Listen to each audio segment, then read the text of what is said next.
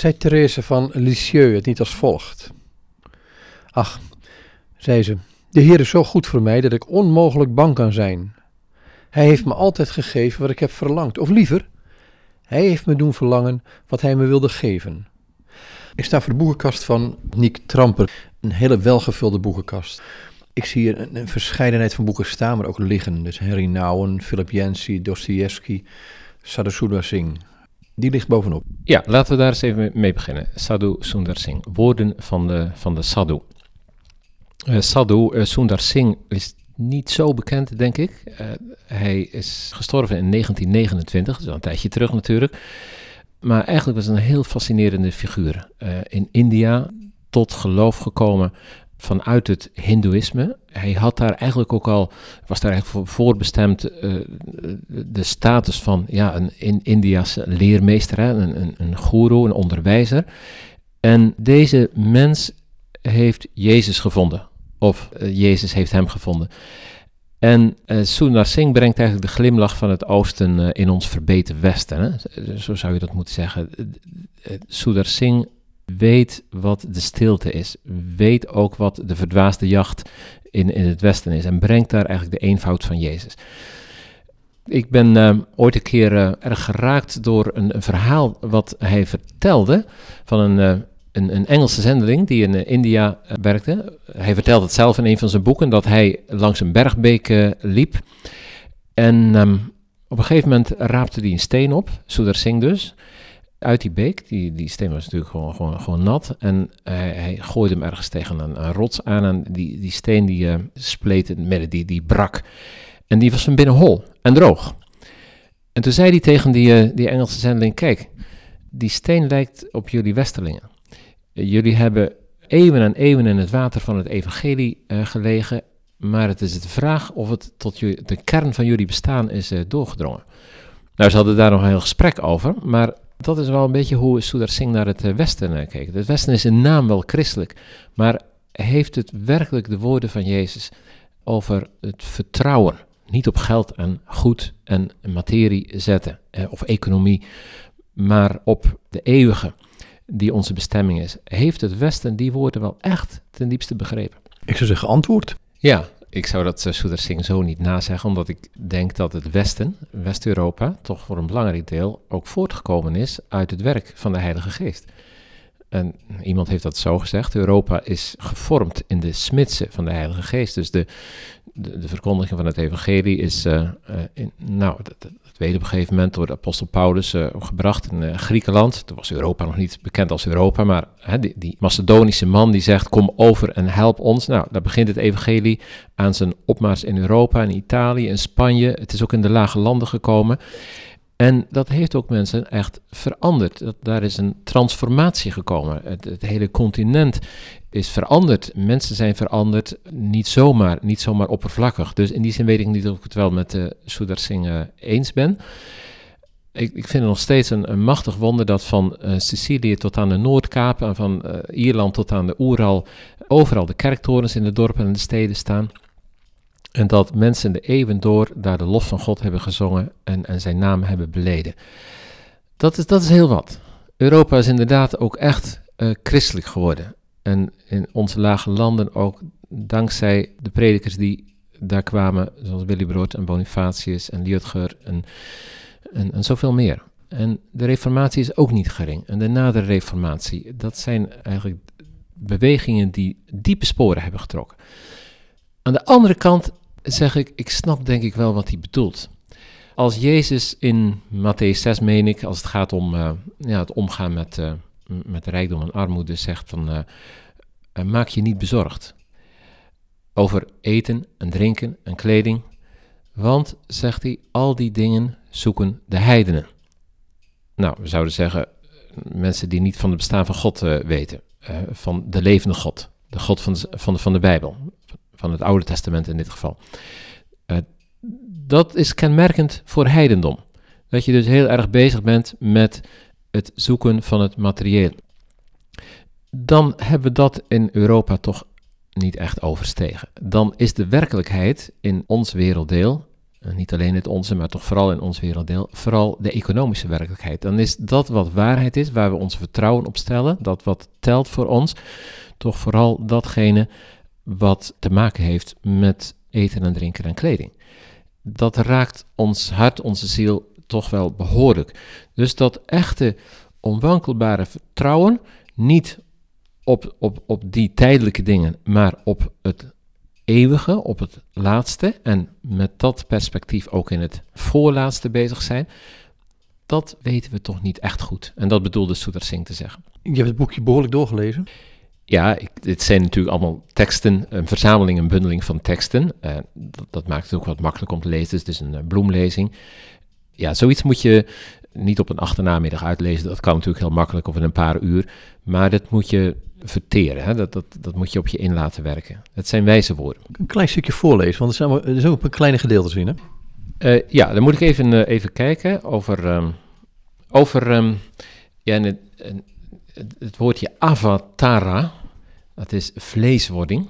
Uh, zo, zo, zo, wordt dat vertaald. Denk even aan de film Avatar.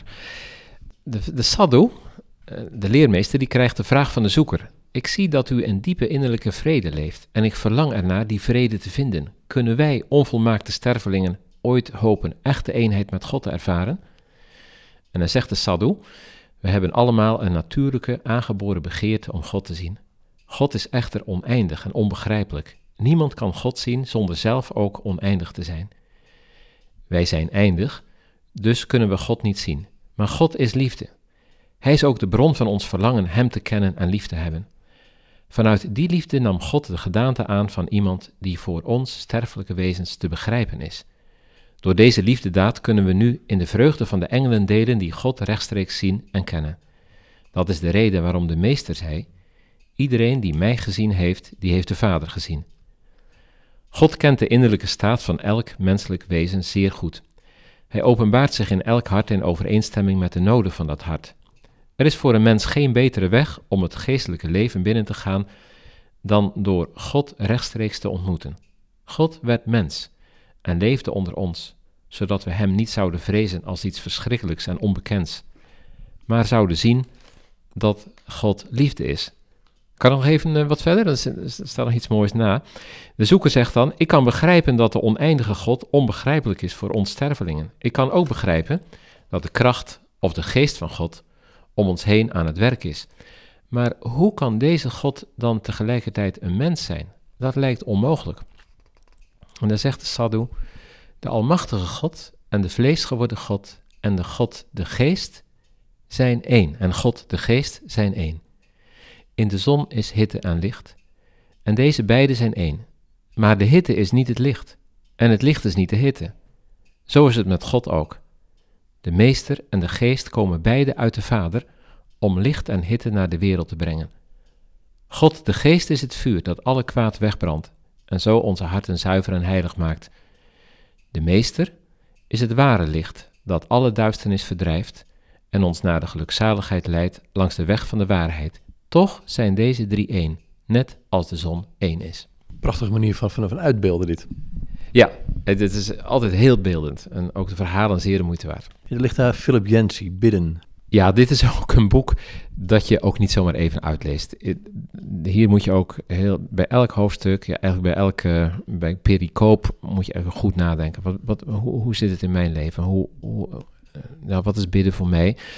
Het is ook heel omvangrijk. Het is, um, heeft heel veel anekdotes, ook verhalen ook, uh, van mensen. Maar daardoor komt het heel erg dichtbij. Ik, ik vind het een van de beste boeken uh, die ik heb gelezen over bidden. Het ligt helemaal in balans, hè? want het gaat uit van, um, als ik bijvoorbeeld over gebedsgenezing uh, lees, dat kan, maar er is ook een reden waarop het niet kan. Ja, ik denk dat Jensi uiterst gebalanceerd is en ook heel nuchter. Jensi is ook, ook de man die de nood, de vragen ook echt een plek geeft die zeg maar, het ideale of de, de komst van het koninkrijk nog aanbrengt, als, het ware alleen voor ogen uh, heeft, maar die de vragen van mensen, mensen die niet genezen, mensen die uh, geroepen hebben, geschreeuwd hebben tot God en het is, uh, het is niet gebeurd, het is, God is niet gekomen zoals zij hadden gehoopt en gebeden.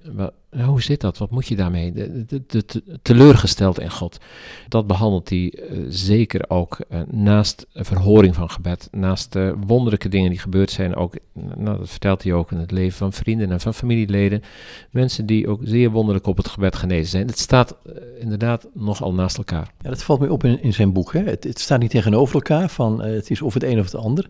Maar hij laat het rustig naast elkaar staan, want vaak weet je ook geen antwoord op deze vragen. Nee, het is ook zo dat, dat hij niet per se zoekt naar een, een logisch antwoord of eh, probeert het naar God, uh, naar de eenheid van God terug te brengen. Het, het is beide aanwezig. Dat is ook in, eh, in de Bijbel zo, dat, dat is ook in ons leven zo.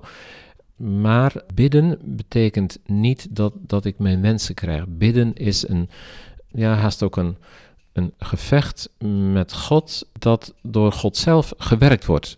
Uh, bidden is niet dat een mens op, uh, op een moment zegt: uh, Kom, laat ik een aantal vragen stellen aan, aan God, aan wie ik me toevertrouw. Maar het is een leven met de vragen van de tijd, de vragen van jezelf voor Gods aangezicht. En ja, hier in dit boek is eigenlijk verwoord wat het betekent om wat Henry Nouwen dan zegt, te leven met een open hand. Als het ware die, die vuisten die je nog wel eens kan ballen om de dingen die gebeuren.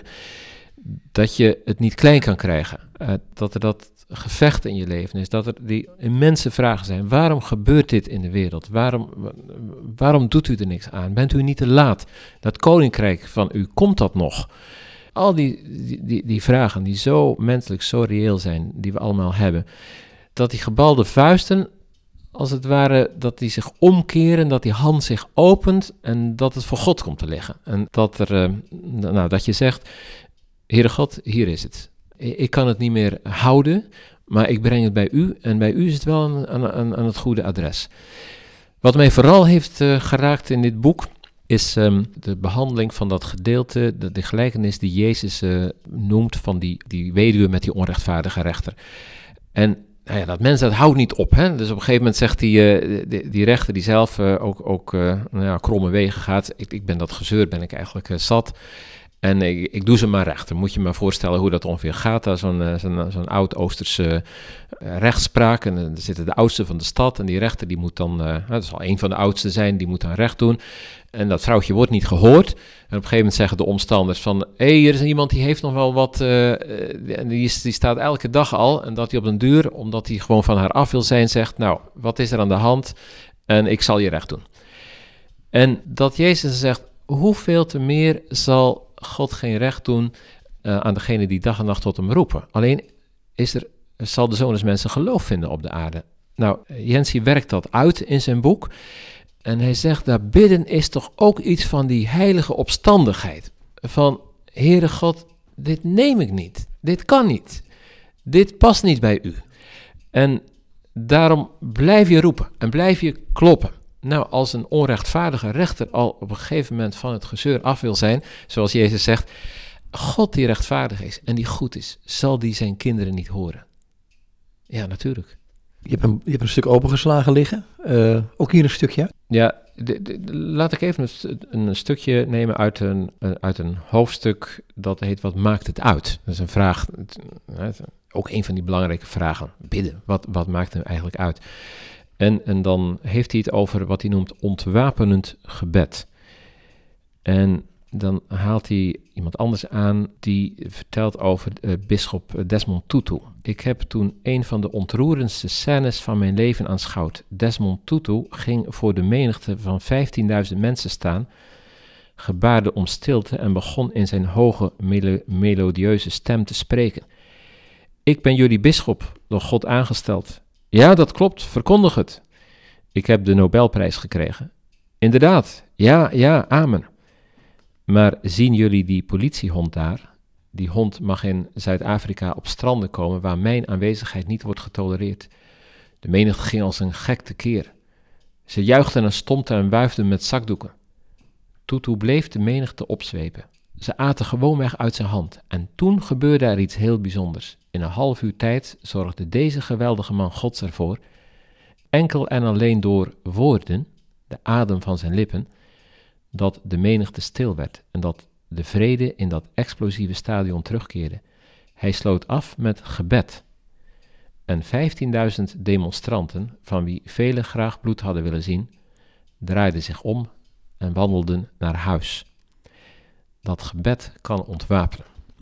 Dat is een, ja, even een, ja, een mooi voorbeeld. Ook dat Desmond Tutu, die wel wist hoe hij uh, een, ja, een schare moest uh, bespelen, maar eindigde, zijn verhaal eindigde daar in zo'n demonstratie met gebed. Dat vind ik machtig mooi.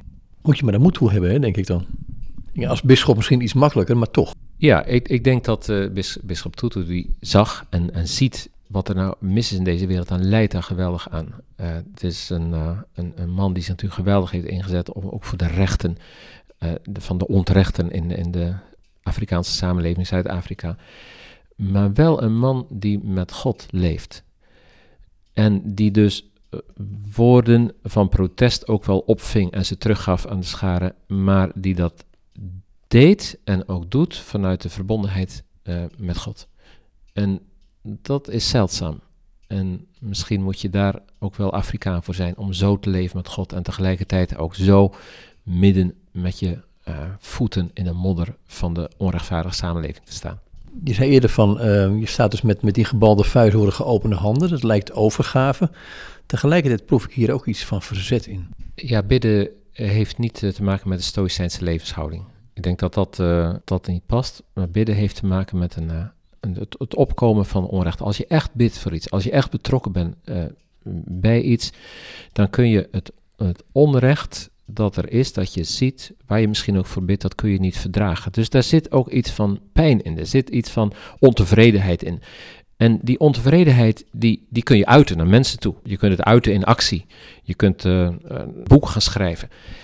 Maar een van de belangrijkste middelen voor christenen is dat die ontevredenheid, die pijn, uh, dat verdriet over wat er gebeurt, die oneer, dat onrecht, dat dat gebracht wordt bij God. En dat is alles behalve een fatsoenlijk gebed. Dat is een gebed dat een schreeuw is. Heere God, doe, er wat aan. Een gebed dat je in de psalmen uh, ook heel vaak tegenkomt. Een, een, gebed vanuit de nood ook. Dat kan persoonlijke nood zijn. Maar ook echt de nood van de samenleving. En nou, ik denk dat, uh, wat, wat Jensie trouwens ook schrijft, dat onze gebeden vaak nog wel hele mooie, fatsoenlijke gebeden uh, zijn. Hè? Vooral fatsoenlijk, hè? Nou ja, dat zeggen mensen wel, heeft toch wel heel mooi gebeden, heeft ook wel heel, heel mooi verwoord. Maar komt daar, komt daar de pijn dan ook werkelijk mee? En verdraag je nou eigenlijk van wat er gebeurt in de samenleving, ontwikkelingen, wat mensen zeggen, wat, wat, wat je op televisie ziet, uh, wat je in, in, in de stad tegenkomt? Dat zo ver staat bij de heerlijkheid van de hoge God vandaan, bij de heiligheid van God. En, en ja, dan kan het niet anders dan dat je dat in de schreeuw verwoordt. Een ander boek wat je erbij hebt liggen, um, Henry Nouwen. Ja, Henry Nouwen, uh, dat was een zoeker. Uh, een man die zelf eigenlijk uh, heel veel problemen doorworstelde in zijn leven. En in zijn boeken vind je dat terug en mensen herkennen dat ook. Kijk, je kunt een boek van Henry Nouwen, dat kun je achternamiddag kun je dat zo uh, uitlezen. Dan denk je, nou oké, okay, ja, dat zijn een paar aardige gedachten. Maar je moet daar echt ook een beetje op kouwen. Ja, want het lijkt ogenschijnlijk heel simpel wat hij zegt. Hè? Het lijkt heel, soms heel plat, denk ik. Ja, het is, het is, het is eenvoudig, maar niet uh, simplistisch. Uh, want juist als je erover na gaat denken, dan gaat het je raken dat is mij jaren geleden eigenlijk ook wel overkomen. Ik, ik, ik dacht, nou ja, Harry nou, ja, wat, wat heeft hij mij eigenlijk uh, te zeggen nog? Maar ik ben die boeken weer eens gaan lezen, veel meer meditatief. Uh, neem eens een hoofdstukje, de, leg het eens naast jouw leven. En dan gaat zo'n boek ook echt wel spreken. Dan, dan, dan voel je, dan merk je, die man heeft heel veel uh, te zeggen. En dat zijn echt hele diepe dingen. Dat zijn de eenvoudige dingen die diep zijn. Heb je daar gewoon een paar voorbeelden bij? Nou, ik heb hier van Henry Nouwen Ons Dagelijks Brood dat zijn gedachten bij het uh, Eucharistisch leven. Dat wil zeggen, het, uh, nou ja, gedachten rond het uh, avondmaal, de Eucharistie. En hij bespreekt hierin de geschiedenis van de Emmausgangers. Vind ik hem trouwens ook sterk. Hè? Dus een bijbelgedeelte eruit lichten en dat als het ware met zijn hart volgen. Dus die hele geschiedenis van de Emmausgangers, die tekent hij. En, en dan, dan, dan zegt hij ook, kijk, die mensen die daar op een gegeven moment een, een wandelaar, een vreemde wandelaar naast zich krijgen. Ze weten niet wie het is. Maar die worden uitgenodigd om hun verhaal te doen. En dan, dan merk je dus dat die wandelaar zegt, nou, waar, waar, waar, waar zijn jullie mee bezig? Uh, waarom zien jullie er zo droevig uit? En En dan vertellen ze hun verhaal, dan, dan, dan wordt dat, dat, dat hele verdriet, eh, die, die wanhoop die ze eigenlijk meedragen. Je kunt je voorstellen dat ze zo over de weg geschokt hebben met het hoofd naar beneden, zo een beetje met elkaar praten van, ja, die Jezus, dat, daar hadden we onze hoop op gevestigd en het is, het, is werkelijk, het is helemaal niks geworden. Het is, uh, nou ja, er zijn wel vrouwen die een bericht hebben, hebben gebracht dat hij dat leeft, maar daar geloven natuurlijk niks van. Maar dat moeten ze helemaal kwijt. En dan die vreemde wandelaar, die nodigt hen daartoe uit. En, en nou zegt, kijk, zo is dat ook zo ontzettend belangrijk in het leven, dat we ja, die, die gelegenheid nemen om ons verdriet, ons feilen, onze mislukkingen, onze wanhoop, recht in het gelaat te zien, om die ook te benoemen. Kijk, en dan komt hij heel dichtbij. En dan ga je ook nadenken over, over je eigen situatie. Je zegt, ben ik daar nou zo goed in om, dat, om, om, om mijn feilen mijn ehm, verdriet, om, om dat nou recht in de ogen te kijken. En dat ook te verwoorden.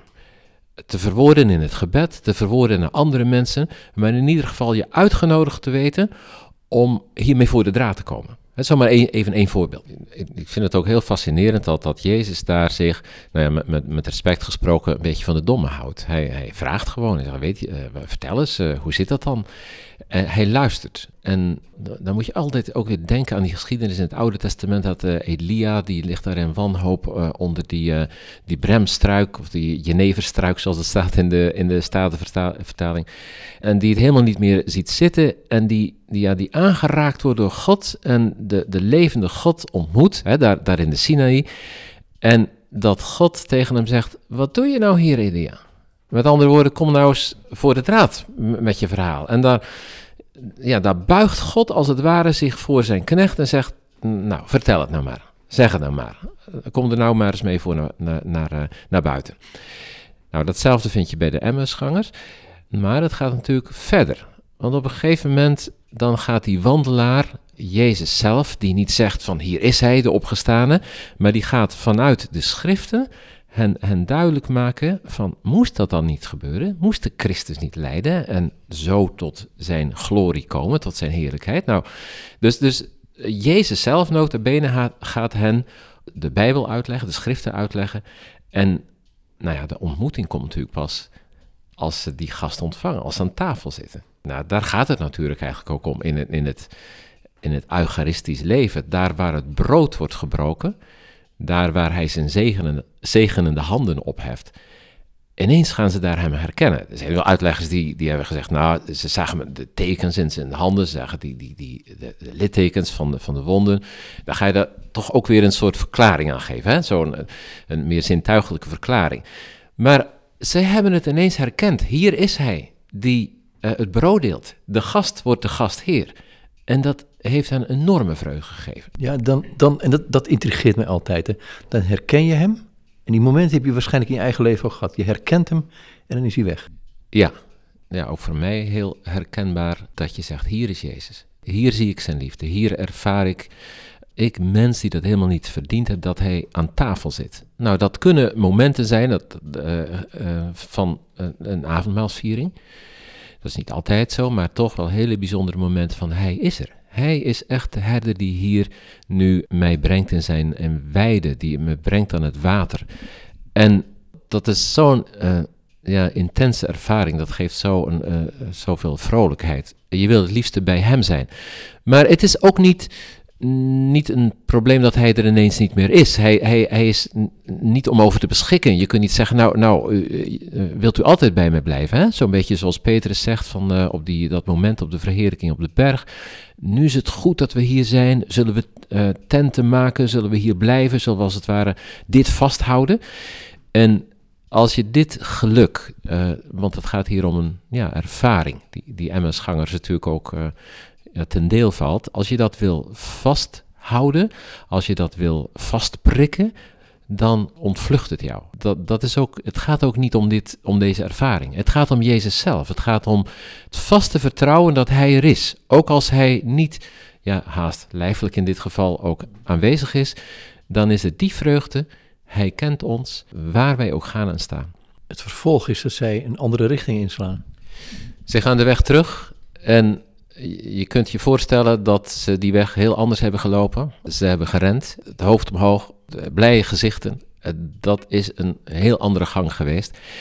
En vanuit die ontmoeting met de levende, vanuit dat eucharistisch leven, zeg maar, dat die wonderlijke, uh, feestelijke ontmoeting van het avondmaal, dat beschrijft nou ook, komt er een nieuw perspectief. En het perspectief, dat moet je delen. Daarvan kun je niet zeggen, zo, nou, onze harten branden wel uh, in ons, hè, en wat hebben we toch uh, fijn gehad met hem. En wat was het mooi toen hij er was, toen hij het brood deelde. En dat zeggen ze tegen elkaar en zo gaan ze slapen. Nee, nee, nee, dat, dat moet verder. Dat moet eruit. Daar ga je je broeders en, en, je zusters over uh, vertellen. Hoor toe wat hij aan mij gedaan heeft. Hè, Psalm 66 ook. Maar de wereld om ons heen moet dat ook weten. Dat enthousiasme, dat werkt aanstekelijk. Dat is een soort virus dat uh, besmet, besmettelijk is, zeg maar. Daar, daar moet je mee naar de ander. hey, dank je. Graag gedaan.